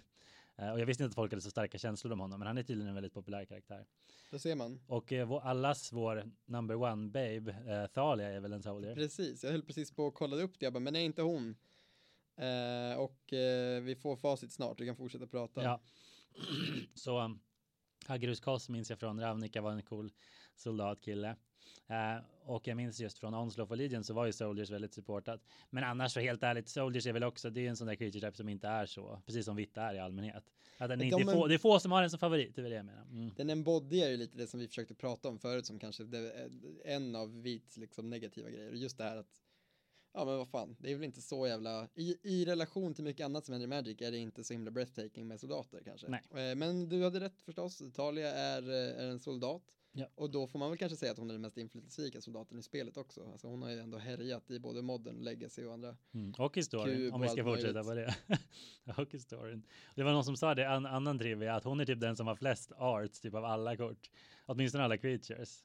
Vad roligt. De tryckte ju Fler nu, än ja ja ja, alltså de tryckte ju en Secret Lair med fyra olika arts. Ja, just det, där Eh, och, sen, och sen nu i, nu hur många arts kom det inte nu? Det är I, sant, det är sant, kom fan fyra till. Japp. Ett kort som är printat två gånger har flest arts av alla. Det, säger lite om vart Magic är just nu. Verkligen. Men det Eh, kanske är printat i Master Set också förstås. Ja, Master 25 tror jag. Men eh, ja, intressant. Nästa creature type är en fan favorite får man ändå säga. Det är ju kattjävlarna. Japp. Där och då tänker vi- vi verkligen mest på de humanoida katterna, eller hur? Ja, fast både och. Ja, alltså, är katter är, sant. ju väldigt vita ändå i Magic. Jo, Men de finns ju andra Mm. creature types och svarta. Lite svart också. Och numera en blå katt också, spökkatten. Just det. Men det är roligt för vitt är ändå katt, eh, liksom kattfärgen. Japp. Inte minst då med, med de som du pratar Mirrodin-katterna, liksom. De vita Mm. Mirrodin-katterna som är någon slags tribe där. Mm, finns på andra planes också. Det gör de. Det gör de. Alara Men, de, till men, men exempel. det, ja, för mig är de i alla fall Mirrodin. Men du har Ja, rätt. du har rätt. Men du har rätt. De är mest förknippade med Mirrodin. Och där hade man ju de här Leonin-grejerna som hände. Och sen har du, ja men fasen, grönt har mycket katter också förvisso men inte ens i närheten. Nej. Eh, det, jag vet inte, vad fan heter han eh, coola stora katten från den gamla goda? Han som blir större när han Equippad. equip, Nej, ja, blir. Jareth, Leonin Ja. Titan. Ja. Ja, jävla fin. Det är från Onslav. Ja, jävla fin. Plus sju, plus sju när han blockar. Ja, riktigt. Bra på att blocka. Japp. Det, det, det är det man, det, det är också, återigen, en så här, som sätter fingret på vad vitt. Man vill inte ha en stor gubbe som är bra på att blocka. Otroligt Nej. tråkiga. Spela defensivt i allmänhet är inte så kul. Det är inte något du vill ha som plan. Och om du vill spela defensivt vill du inte göra det genom att lägga ut en gubbe som är bra på att blocka oftast. Nej, Då är han, det han, bättre att sweepa ofta. ja verkligen. Vilket vitt är bra på. Vi kommer nog säkert till det snart. Eh, men exakt, katter. De, det är en av de sakerna som vitt lyckats med. För alla älskar katter. Ja, alla älskar katter. Ja, den, alltså jag såg så här, bara den oöppnade pre-cut preconet, tribal preconet. Alltså jag vet inte hur mycket den kostar nu. Alltså det, vi snackar typ, ja men alltså, pff, ja, det är ju långt över 1000, 1500. Och det är väl en av de populäraste Secret Lairsen också? Katt Ja, ja, ja, ja, ja, 100 procent. Verkligen. Eh, Så där lyckades de med. Men annars så har ju Vittin kanske inte riktigt nått en sån homerun som svart har med zombies och vampires. Men på tal om svart så har de någonting som de delar med svart, nämligen Okej. clerics. Det är sant. För vi pratade lite om vad, ja, men vad, hur svart connectar med vitt och sådär, men en sak som de connectar i är ju verkligen clericsen. Ja, den den, den vitsvarta eh, creature-typen. Japp. Och clerics är ju också någonting som kanske mest är vitt men är också väldigt svart. Och nu när Warlock har kommit så kanske vi ser det många som hade tidigare varit svarta eh, clerics blev Warlocks, men ändå en, en väldigt eh, eh, vit grej då. Ja, för att Eh, vad gör clerics för något? Jo, de healar. Vilket är ju såklart vad vitt håller på med. Alltså Ja, gaina liv och och, framförallt preventa skada. Vilket de inte gör så mycket längre. För att det är otroligt komplicerat speltekniskt. Ja, och bara rätt tråkigt. Det går ju bara defensivt liksom. Och du måste tajma det rätt också. Det är bara dålig mekanik. Eh, flavormässigt är den ju klockren. Alltså det är klart, man wardar off skadan liksom. Det känns väldigt vitt att ta upp en sköld liksom. Alltså en Ja. ljussköld eller något. Eh, men Clerics är nice. Jag har egentligen inte så starka känslor kring dem. Det är mer att vår kompis Dirk alltid har spelat Clerics. Eh, Han har en väldigt fin foilad eh, cleric EDH sådär. Ja, exakt. Eh, och och jag gillar ju alla creature types som var liksom supportade i Onslaught för det var då det var nytt när jag började. Du vet, så man är nostalgisk sådär liksom. Ja, ja visst, visst. Nej, och de har ju fått mycket kärlek nu på sistone också i dd sättet och i Zendikar och Ja, Ja, Cler- inte. Clerics är jätte, det är ju en del av den där jobbiga Life King-leken som alla ogillar. det finns en cleric eh, creature type lek också, en tribe-lek i standard som är clerics. Ja, som är helt okej. rätt. Ja. Ja, vad tänkte jag på? Nog om creature types kanske. Eh, vi kan nämna något om några planeswalkers också, men sen måste vi faktiskt eh, Ja, Pulsa på i det här fler med, karaktärer som verkligen fångar in vitt. Vi har nämnt några redan. Avacyn och Thalia. Thalia är ett jättebra exempel just för att hon eh, kämpar som fasen för rättvisan liksom. man är en riktig sån här David-karaktär, liksom. David mot Goliat-gubbe också. Bara en Verkligen. vanlig jävla människa. Ja, och hon har överlevt alla innistrade sätt på något vis. Hon bara köttar alla vampyrer för att hon har first strike. Ja, exakt, exakt. Uh, verkligen. Hon, hon kämpar eh, i storyn, jag kan inte hennes story, men hon liksom går emot helt omöjliga odds liksom. Både byråkratiskt, typ folk som försöker låsa in henne. Hon blir en kathar för att hon sviker kyrkan för att när kyrkan har gått snett liksom. Ja, det är De fortsätter tro på rättvisan, vilket också är så typiskt hero move liksom. Mm, mm. Eh, men, men också eh, men sen har vi då andra. Vi, Avasyn beskriver också vitt bra för att hon eh, skyddar alla till vilket pris som helst. Och slår ihjäl, verkligen mosar dem som inte passar in, vilket är ganska många. Eh, och så. Men annars har vi ju Elspeth. Hon gör ju också en sån grej. Slåss mot omöjliga odds för rättvisan, eller hur? Ja visst, samma sak med gamla klassikern Rest in Peace Gideon. Ja, Gideon verkligen. Han är typisk hero guy. Och då, då, det tycker jag verkligen vi fångar in lite. Vi kanske kan göra lite av en cirkel där runt uh, lore och karaktärer och filosofi. Gideon och alla de här personerna vi nämnt är ju sådana som är den typiska hero-tropen. Eller hur? Verkligen. Alltså om man tänker rent ja, trope-mässigt liksom så är det ju den som tror på en sak, ofta rättvisa, rädda världen inom citationstecken, döda de onda, eh, kämpa mot alla odds, själv stå liksom rally the troops möjligtvis, ta Ja, med sig när- sitt och, gäng. och det nu är det väl inte alltid så i matchen, men det är väl ofta så att när de andra planeswalkersarna vacklar och får andra dåliga idéer, då är det ofta den vita planeswalker som slår näven i bordet och bara nej, nu ska vi göra det här. Japp, och självuppoffring som Gideon gjorde nu. Han gjorde Ja, som visst. Jesus. Ja, och Elspeth också, bara det att de inte kunde låta henne vara död. Just det, hon, hon, hon slog sig bokstavligen ur helvetet, tog sig upp igen. Ja. Men exakt, hon gjorde också en sån grej. Eh, hon, hon kämpade på liksom. Och där kan vi faktiskt stanna. Det kanske inte har tid att säga det här sen, så jag tror att jag säger det nu. Eh, och det är ju att det här med att vitt alltid är the good guys är ett, någonting som Wizards har erkänt att de tycker är tråkigt. För de vill inte att det ska vara så. Alltså att filosofierna är de onda och de goda. Eh, Maro tycker det är jätteviktigt att påminna om att det finns svarta karaktärer som är likable och det finns vita karaktärer som är hemska. Och ett exempel är ju faktiskt Heliod. Han är ju skurken i Theros-blocket. Så då ser vi alltså Elspeth som är en vit hjälte mot en vit skurk som är Heliod. För vad Heliod gör, han är ju en patriark som absolut vill ha ordning och reda. Men han är ju rakt igenom, han har absolut ingen moral. Eh, liksom, lite som Zeus själv kanske, alltså som förebilden. Ja, visst. Att han, han ser makt och ja, Människorna balans. ska bara preacha skiten honom, annars kan Ja. de fan dö. Liksom. Ja, men lite så. Eh, Och vi ser också i, eh, på New Phyrexia att um, Ellers Norn är ju den mäktigaste Praetorn. Att hon också är liksom, så vitt jag har, eh, det lilla jag snappat upp. Alltså att där ser vi också hur vitt kan vara de onda i att eh, hon, vitt gillar liksom Phyrexias grej med det här completion. De vill ju alltså forma de vill bygga liksom the perfect life forms genom mekaniska implants typ. Eh, men att alla blir mer eller mindre brain dead slavar. Men Vitt har liksom inget emot det. Eh, och Ellers Norn har inget emot det. Alltså att alla bara ställer sig i led och är typ likadana. Det blir liksom det så här, alla är bara tomma skal. Eh, men det passar perfekt för att då är det ordning och reda liksom.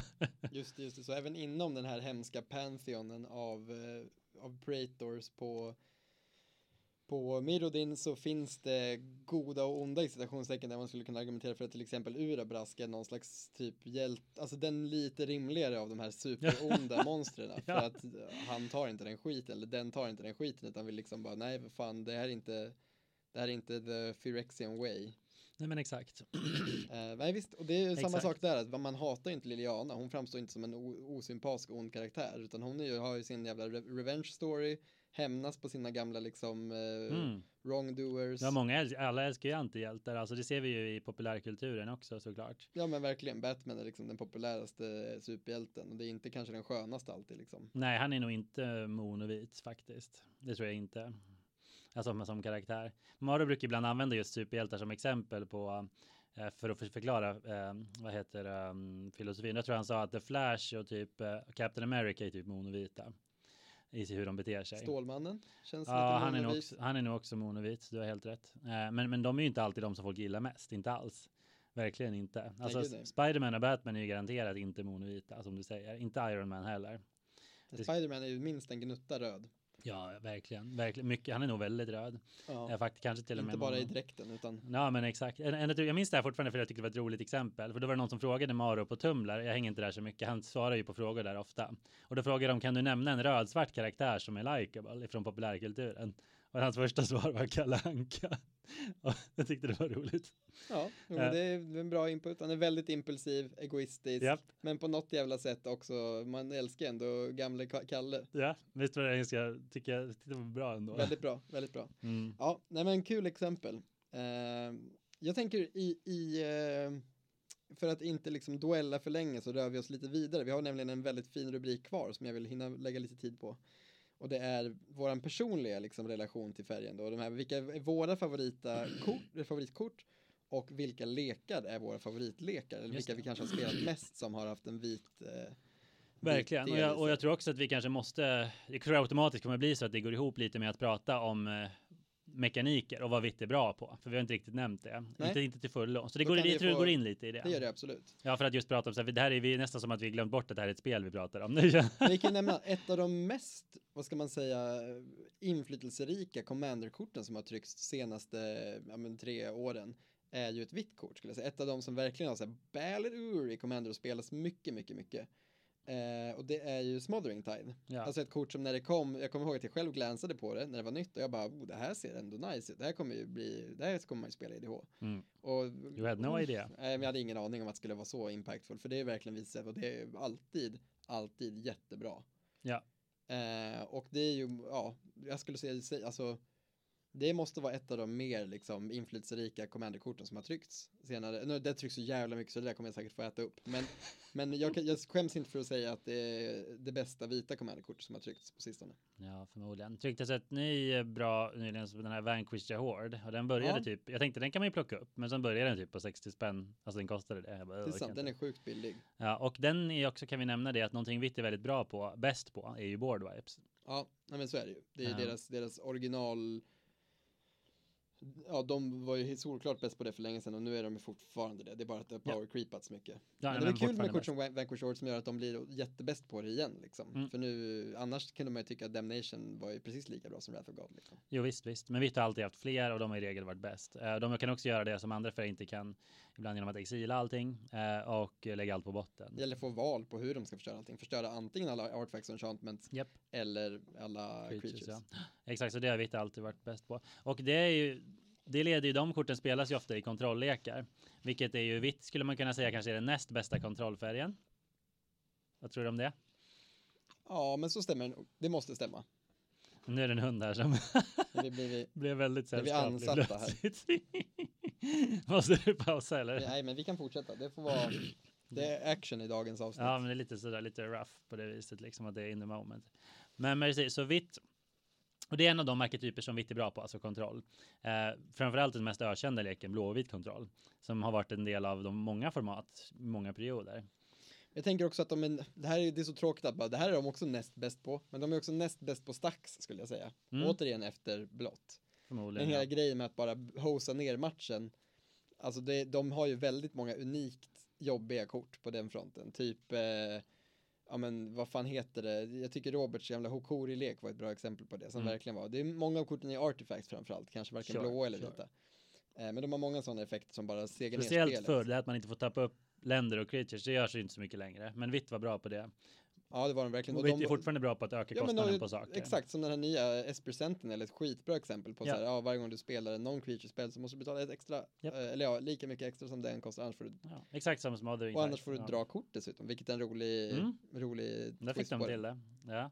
Nej men exakt, så vitt är väldigt bra på det, att irritera motståndarna till att de inte får göra saker. Att det blir dyrare, det blir krångligare, saker kommer in tappade, också en väldigt vit grej. Eh, Att saker liksom, kom, ja, länder kommer in tappade, creatures kommer in tappade. Det finns massa exempel på det. Creatures kommer in och har ingen Enters the Battlefield-effekt. Japp, det är också en Eh, vit grej. Spelare får inte leta i libraryt om de inte betalar två Japp. och så vidare. Ja men verkligen, och Thalia själv förstås. Ja, Eh, allting kostar ett mer ja. Ja men precis, så det är en väldigt vit grej och den biten gillar ju jag i alla fall för and Taxes är faktiskt en av mina favoritlekar. Ja men det är sant, du har en, en ihopbyggd FF Ja, Access i modden till exempel. Ja, precis, precis. Och jag tycker att det är väldigt kul. Alltså, jag tycker det är roligare än absoluta kontrolllekar. För vi kan ju nämna det, alltså, det vet ju de flesta som lyssnar, men blåvitt kontroll är ju den mest ökända klassiska kontrollleken. Den går ju ut använda blått för att kontra allting, använda vitt för att döda allting. Eh, Verkligen. kan man förkortat säga. Och, och inte sällan vitt för att vinna också. Vitt har ju ofta bra planeswalkers till exempel. Ja, i det här fallet Teferi är väldigt populär just nu. Teferi Hero of det, blå, Dominaria. blåvit själv. Men, men ja, exakt. Eh, många, det finns ju många bra monovita planeswalkers som har historiskt sett spelat i sådana lekar. Ja, typ Elspeth. Ja. Ja, Elspeth och Gideon också. Ja. Eh, Så, så, så är det verkligen. Ja. Eller i gamla format och finishers som änglar som vi redan varit inne på. Eh, Så det är någonting vitt gör väldigt mycket. Ingen av oss är riktiga kontrollspelare, va? Jag har haft UV någon period, så testat på det.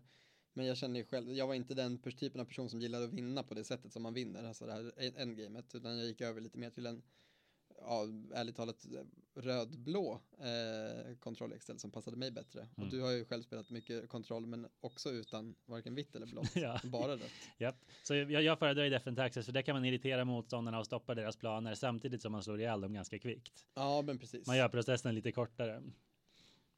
Min kanske mest spelade vit, en av mina mest spelade vita lekar spelar ju väldigt lite vitt. Eh, men det är ju min nuvarande modernlek, min elementalslek. Ja. Eh, men den pressar ju både ur sig Solitude, Omnath, man spelar eh, Ephemerate, så jag skulle säga vitt är väl ändå liksom den mest framträdande färgen i leken, det är bara att den är fyrfärgad så den Mm. framstår inte som där sa jag också något som vitt är bra på, blinka. Det Ja, är vitt är ju ruggigt bra på att blinka. Blått, en- blått gjorde ju det förut, men nu är det ju vitts grej 100%. och det är bra. Det är en bra förändring. Något ska de ha. Ja men verkligen, de har ju blivit skitbra på det. Och det tror jag för min del i alla fall är hur jag, eh, men hur jag har spelat vitt mest på sistone. Alltså Ja. att hålla på och blinka skiten ur mina eh, elementals Mm. och få massa value. Verkligen. Nej, det jag spelat mest i vitt är ju delvis Defent Access, men också har jag ju länge haft en monovit enchantment DDH.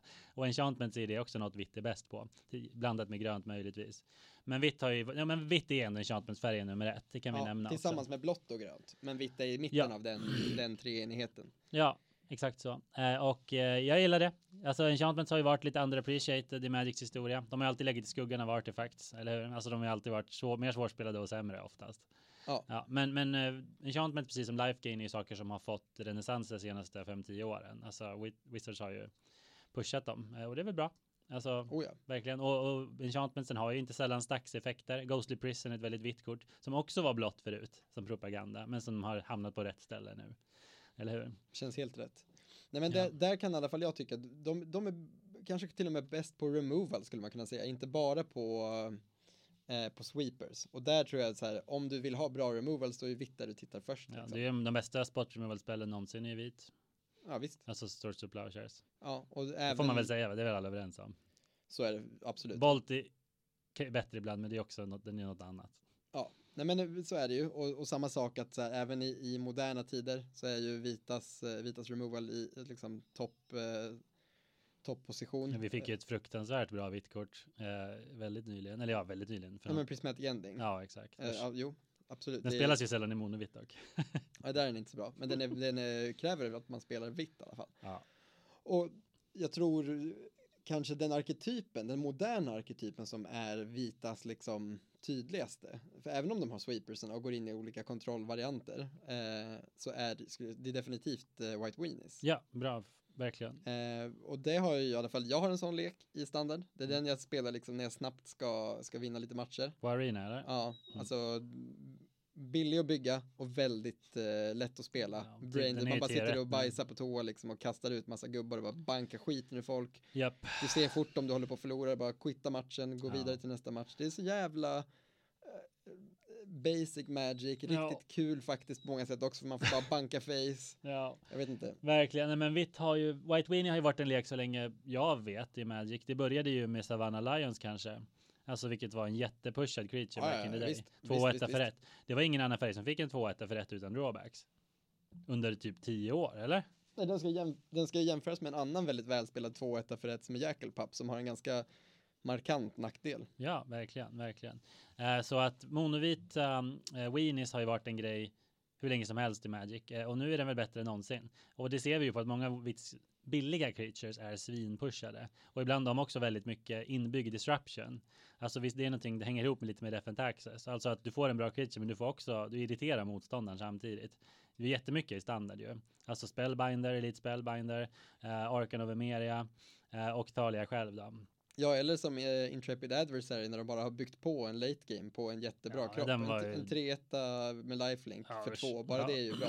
Den gick Och sen ju- bygger ja. du liksom på att för varje två du betalar så är den också plus två, eh, plus ett plus ett till alla inklusive sig själv. Ja, den är galen, den är galen. Men det- pushade creatures på Mythic-slotten har vi ju sett några gånger nu. Men, den, men det är ett exempel på vad vitt kan göra. Den går wide, den är billig, den är överkostad, den har lifelink. Den har ju allt mycket av det vitt gör, jätte, jättebra. Också den nya, den här uh, Brutal Cathar är ju den bästa versionen av ett klassiskt vitt kort, alltså Banisher Priest. Ja, Alltså kommer in exila medan så länge den är i spel.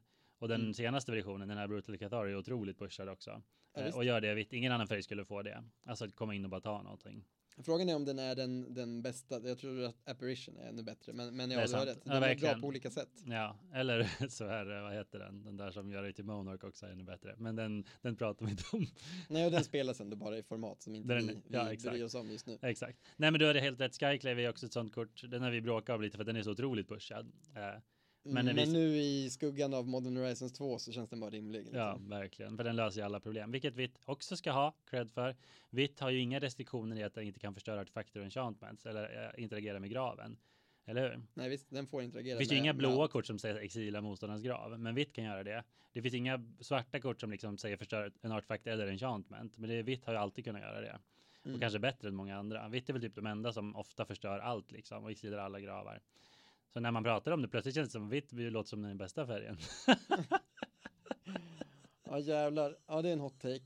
Men Nej, jag vet att det inte är så. Jag menar bara när man väl jag rabblar såg upp. någon sån clickbait i YouTube-video från någon streamer som var Okej. White is the best color now. Ja, ja. Eh, och den ville man ju verkligen bara, vad, vad har du upptäckt? Klicka Ex- på den här för att exakt. det, det äggar ändå fantasin. ja, visst.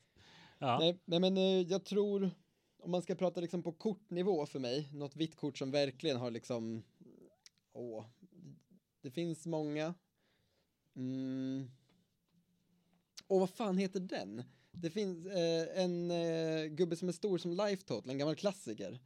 Eh, Sarah Avatar. Sarah Avatar, kommer jag ihåg, när jag var, när jag var ett shitkid och Mm. hängde liksom ute på landet och min brorsas kompisar spelade Magic med honom liksom och jag bara hade min, min lilla lek som min bror byggde åt mig och sådär. Då kommer jag ihåg att ett kort som jag verkligen var så här breathtaking om jag såg det första gången var Sarahs Avatar. För att den är Mm. liksom, på pappret är det ju så otroligt jävla maxat kort. ja. Det är alltså en XX för åtta va? Sju tror jag. Sju till och med, du hör ju, Mm. det är billigt. Ja, eller hur? Och den är stor som din life total. Ja. Så har du mer liv än motståndaren så slår den alltid för lethal. Ja, verkligen. Jävla cool gubbe. Mm. Så Visst. det är för mig ett så här vitt kort som verkligen har eh, etsat sig fast i, i eh, järnbalken. Ja, en annan som jag vet att du och jag har mycket erfarenhet av som är väldigt vit, det är ju Hero of Bladehold. Oh, just det. Eh, det, är, det är ett kort som gör mycket det vitt gör. Den går wide, eller hur? Det är en soldier, Eh, tror jag. Ja, eller Ja, warrior, det whatever. Den gör soldier tokens i alla fall. Den är en soldier Eh, säkert. och säger det. eh, den är Eller en otroligt... knight. Ja, okej. Knight är den. Du är rätt, det är en knight. Det är knight. Vi har inte pratat om knights. Vitt har knights också, hörni. Nu vet ni det. Det är också, men ingen är förvånad över det, för det är så typiskt vitt. Du har allting. Chivalry, honor, liksom. Mm, mm, mm. Hj- hjälpa möar över bäckar. Sådana så vita saker. Nej, det är väldigt vitt med knights. Ja. Det är, Så, Eldraine fuckade upp det lite, men, men visst är det så. ja, ja, ja. Eh, I alla fall, så uh, Hero of Bladehold är ju en kubstaple framför allt. Det egentligen bara där den spelas flitigt. Men det det är- spelas det- väl i standard också. Ja, minnas, men det är precis, precis. Den, det är svårt att tänka sig någon som slår ihjäl motståndaren fortare för bara fyra mana. Eh, väldigt bra. Eh, så den har vi mycket, många känslor eh, kring. Men annars, nej, för mig är det nog mycket. Det är alla klassiska stacks creatures som jag ändå eh, gillar väldigt mycket. Alltså, Thalia, Leonin, Arbiter och liknande. Uh, sweepers är ju också en viktig del av spelet igen. Jag gillar verkligen Weathered Wayfarer, en gammal klassiker som Mm, också ja, är väldigt verkligen. vit. Den har man väl man Det var den jag glad. skulle säga när du sa land tax, när jag Okej, skulle prata om ett gammalt klassiskt kort som hämtar länder. Ja, ja. Men sen får vi heller inte glömma Mother of Runes, vilket är ju ett, en av de bästa creaturerna som någonsin tryckts. Ja, det faktiskt. Eh, och som Men jag, vitt kan man väl säga generellt sett har bra creatures. Det är en av deras grejer. åtminstone bra små creatures. Och Ja, men bara generellt förstås. också Ja. ha bra creatures. Alltså det är Nej, liksom, har de, de, de har bra, ja, de levererar på den fronten. Ja, Medans det grönt är liksom den mesta creaturefärgen. ja, Rött har också bra creatures. Och sen har ju alla färger jättebra Ja, ja, creatures. ja, men vitt har liksom generellt sett ofta bra creatures. ja, grönt och vitt är nog ett och två om man måste säga något. Men ja, I alla fall i känslan. känns så. Ja. Ja, Ja, men men, eh, fan, eh, det är som vi befarade. Det här med att prata bara om en färg. som sagt, okej, to be fair, färgerna tillsammans med card typesen kanske är liksom de största elementen på olika sätt i spelet. Bland de största i alla fall. Men vi hade Mm. ju lätt kunnat prata om det här länge, länge till. Och det kan vi faktiskt inte göra av andra skäl. Formatet, vi, alltså för podden. Mm. Någonstans måste vi ju gå över från Magics minst populära färg till poddvärldens mest populära segment. ja, där har du det. Ni vet Ja. vad det är vid det här laget, så vi behöver knappt säga det. Show and tell. För min del så tänkte jag prata lite om eh, att jag tror att nästa år kommer bli eh, ett riktigt jävla dunder Magic-år. Och vad menar jag med det? Jo, jag tror nämligen att bara baserat på vad som släpps nästa år, alltså de releaserna vi har framför oss, så tror jag att vi kommer få se en sån här superutveckling utveckling för spelet. Alltså jag tror att de verkligen har så här bang on valt bra grejer som kommer funka bra. Mm. Dels för att det är tre stycken så här retro-set, klockrent. Det fjärde sättet kan jag väl erkänna, jag kanske inte super, eh, har någon direkt så här superstark eh, känsla för det. Eh, Streets of New Capassion. Eh, Capenna. Capenna, exakt, jag har inte ens fattat vad det heter. Men eh, låt det vara osagt hur populärt det blir. Det, och de, det är också skitkul att de testar något helt nytt. Eh, det, det gillar man ju ändå någonstans. Det finns någon del av som vill uppleva nya saker. Ja, ja. Nej, jag är typ jättetaggad på det sättet. Det låter ju hur kul som helst. Maffia-sätt liksom. Ja, men absolut. Men ju- absolut. Vem gillar inte klassiska maffia-tropes? Nej, och vad mer får vi? Jo, vi får två jävla sätt som tar oss tillbaka till Dominaria. Ja, Och det är jag riktigt taggad på. Dels för att Dominaria förra gången var en, en eh, smash-hit. Ja. Eh, men också bara för att så här, fan, ge mig så mycket nostalgi ni bara orkar. Det är där man vill vara. I alla fall i mitt fall. och samma sak då med Kamigawa som bara gör exakt samma sak. fast på ett väldigt nytt sätt ska sägas. Eh, Oh ja, oh ja, oh ja. De Men, tar ju risker där, vilket som du sa, jag tror det är bra. Det här är det året vi har framför oss är ett som både spelar safe och tar risker samtidigt i releaserna. Alltså Ja. Infinity och eh, Kamigawa Neon Dynasty är ju båda mer sci-fi än vi något, något vi någonsin sett förut. Infinity är ju speciellt, det är ju är det Neon Dynasty det heter? Inte Destiny? Ja. Ja, ah, okej, coolt. jag har också sagt fel förut. Ja, vad roligt. Ja, men då har man lärt sig lite, lite folkbildning för oss allihopa. Ja, nej men eller hur, de tar ju ut svängarna på sci-fi-fronten på ett sätt bam, rekordmycket för att vara Magic. Oh ja, oh ja. Mirrodin har ju såklart sci-fi aspekter, men ja, det här är ju helt Ja, men det ska bli skitkul faktiskt. Och för min del, eh, även taggad på de här konstiga, alltså sommarsättet. Det känns också som en sån här, eh, vi, vi, vi får ju double masters. Mm. Jag är inte, alltså moraliskt tycker jag det är tveksamt av dem att bara trycka dyrare kort. Men eh, alltså reprints Ja. är alltid kul. Ja, nej men det behövs ju. Så är det ju. Och, och någonting för liksom, för eh, alla valar där ute, liksom att, Mm. att plocka på sig. Det kommer alltid, kommer alltid. Och jag är, ska inte ljuga, jag är taggad på draftar i alla fall en gång. Ja, jag är gärna med där på ett hörn. Verkligen. Jag vet inte, det är bara min spontana här, positiv känsla inför nästa år. Jag tror att det kommer vara skitkul för nya spelare. Jag tror det kommer vara skitkul för gamla spelare. Mm. Och jag tror att, eh, ja, men att det känns som att de liksom har jävligt kul med designen just nu och det tror jag är skitbra. Verkligen, och, verkligen. Och, och de har ju, um, Infinity är ju ett bra, det är precis, medan vi spelade in så var det bara några dagar sedan de visade upp Just det, hur det just det. kommer bli. Så det bara för att peka på delvis sci-fi-aspekten, men också kreativiteten. För vad de har gjort där, det är ett silverkantat sätt, det är det fjärde i, uh, vad vi nu ska kalla block, un, unblocket, ja. ja. Uh, verkligen. Uh, och men den här gången så kommer ju delar av korten, typ hälften, vara legala i vanliga format. Mm. Vilket var ju lite, jag vet inte vad jag tycker om det, eh, men det är ju väldigt förståeligt att de vill tjäna lite pengar. För jag kan inte tänka mig att Unstable sålde särskilt bra, just för att korten bara går att spela i draft. Ja. Så nu försöker de muta oss till att köpa silverkantade set, både genom att ge oss snygga basics som vanligt, rymd basics, så verkligen tar ut svängarna. Men även Eh, svartkantade kort som går att spela i Commander Exakt, och, och, Legacy. och kockländer med rymdart. Eh, men ja, så Ja. ja. det får se hur det går. Men vad, vad, vad Maro sa, att de designade, jag vet inte om alla vet det, men de designade ju hela sättet som att det skulle vara silverbordered. Mm. Och sen så typ, ja, efter att de var liksom klara med sättet så var det någon som bara, alltså kan vi inte göra korten, några kort blackborder? För de är inte, de, de här är ju okej. Vi har ju höjt ribban på vad man får göra i blackborder. Eller hur? Alltså det finns ju exempel, titta på alla dice rolling i um, Adventures in the Forgotten Realm. Alltså, Ja, men det var ett jättebra exempel. Ja, och det var det använde de själva i artikeln. De bara sa, vi har redan börjat göra eh, dice rolling eh, blackboarded. Så eh, vad hindrar oss liksom? Så vad de gjort är att de gick igenom alla sätt och bara så här, kan den här funka? Och då sa de bara ja.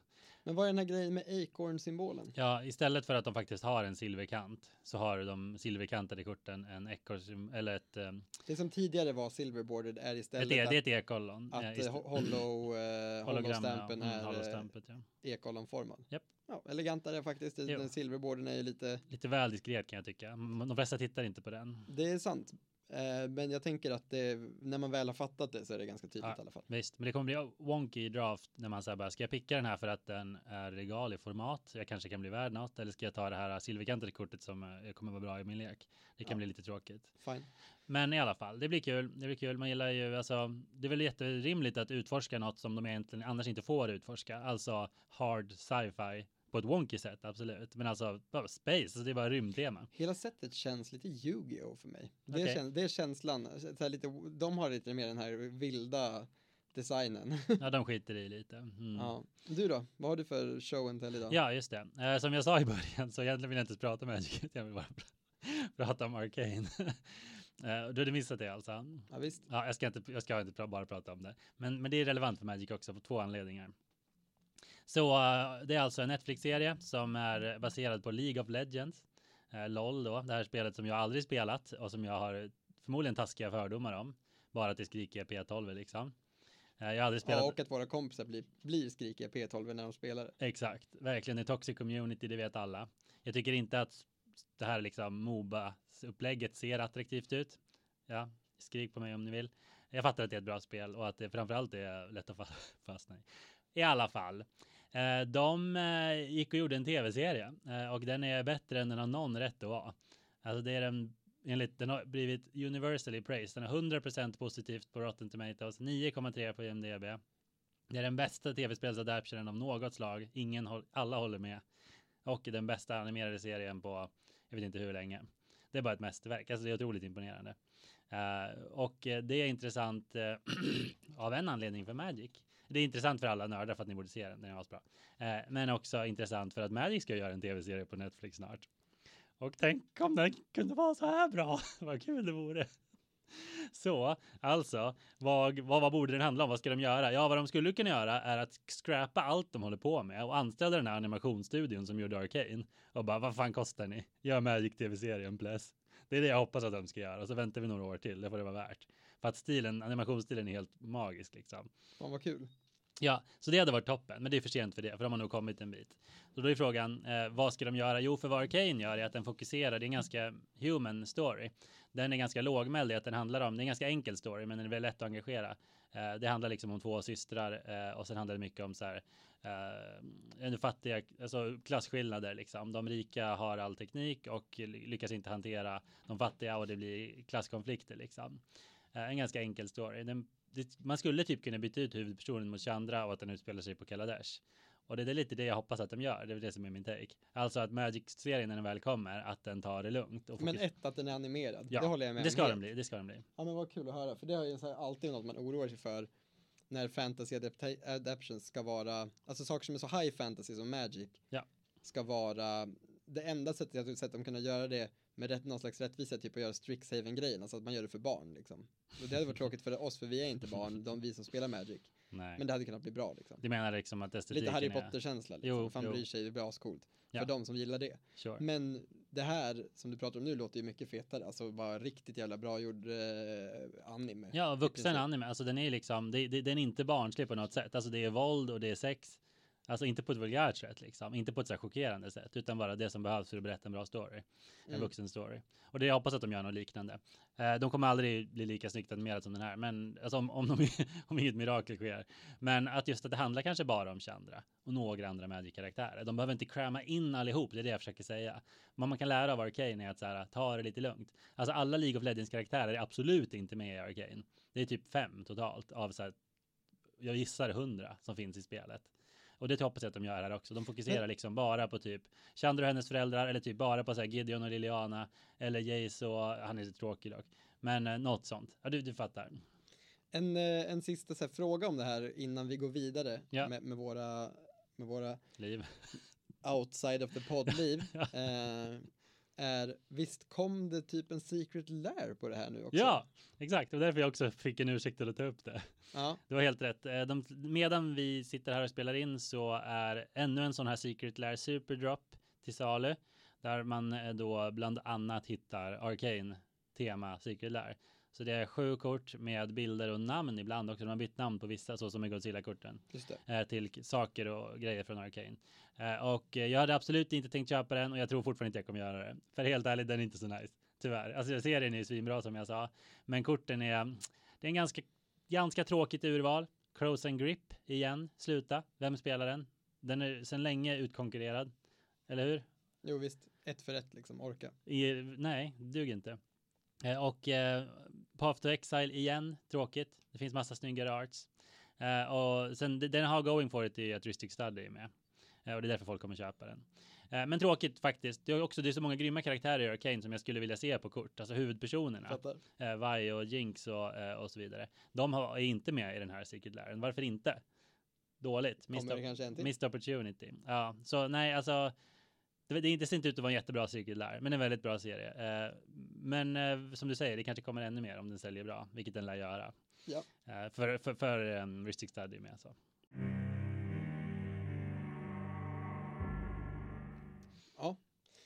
Okej, bra, bra spaning och eh, en, en valid förhoppning. Vi får väl Verkligen. hoppas att det verkligen blir så. Och eh, jag tänkte bara avrunda det här avsnittet med att tacka alla er som lyssnar. Eh, och extra mycket tacka er som gillar och eh, framförallt kanske följer men också gillar och interagerar med oss på sociala medier. Vi finns ju på Instagram och på Facebook där vi försöker, framförallt Harry försöker lägga upp inlägg med jämna mellanrum. Ja, Och det är ju skitkul om de sakerna får lite genomslag. Och vi har, ni har blivit bättre på det, men vi vet ju att ni är många fler som lyssnar än vad ni är som, som interagerar. Och vi tror att det här skulle kunna vara ett sätt för oss att nå ut till fler som kan ta del av det här roliga spelet genom våra röster också. japp.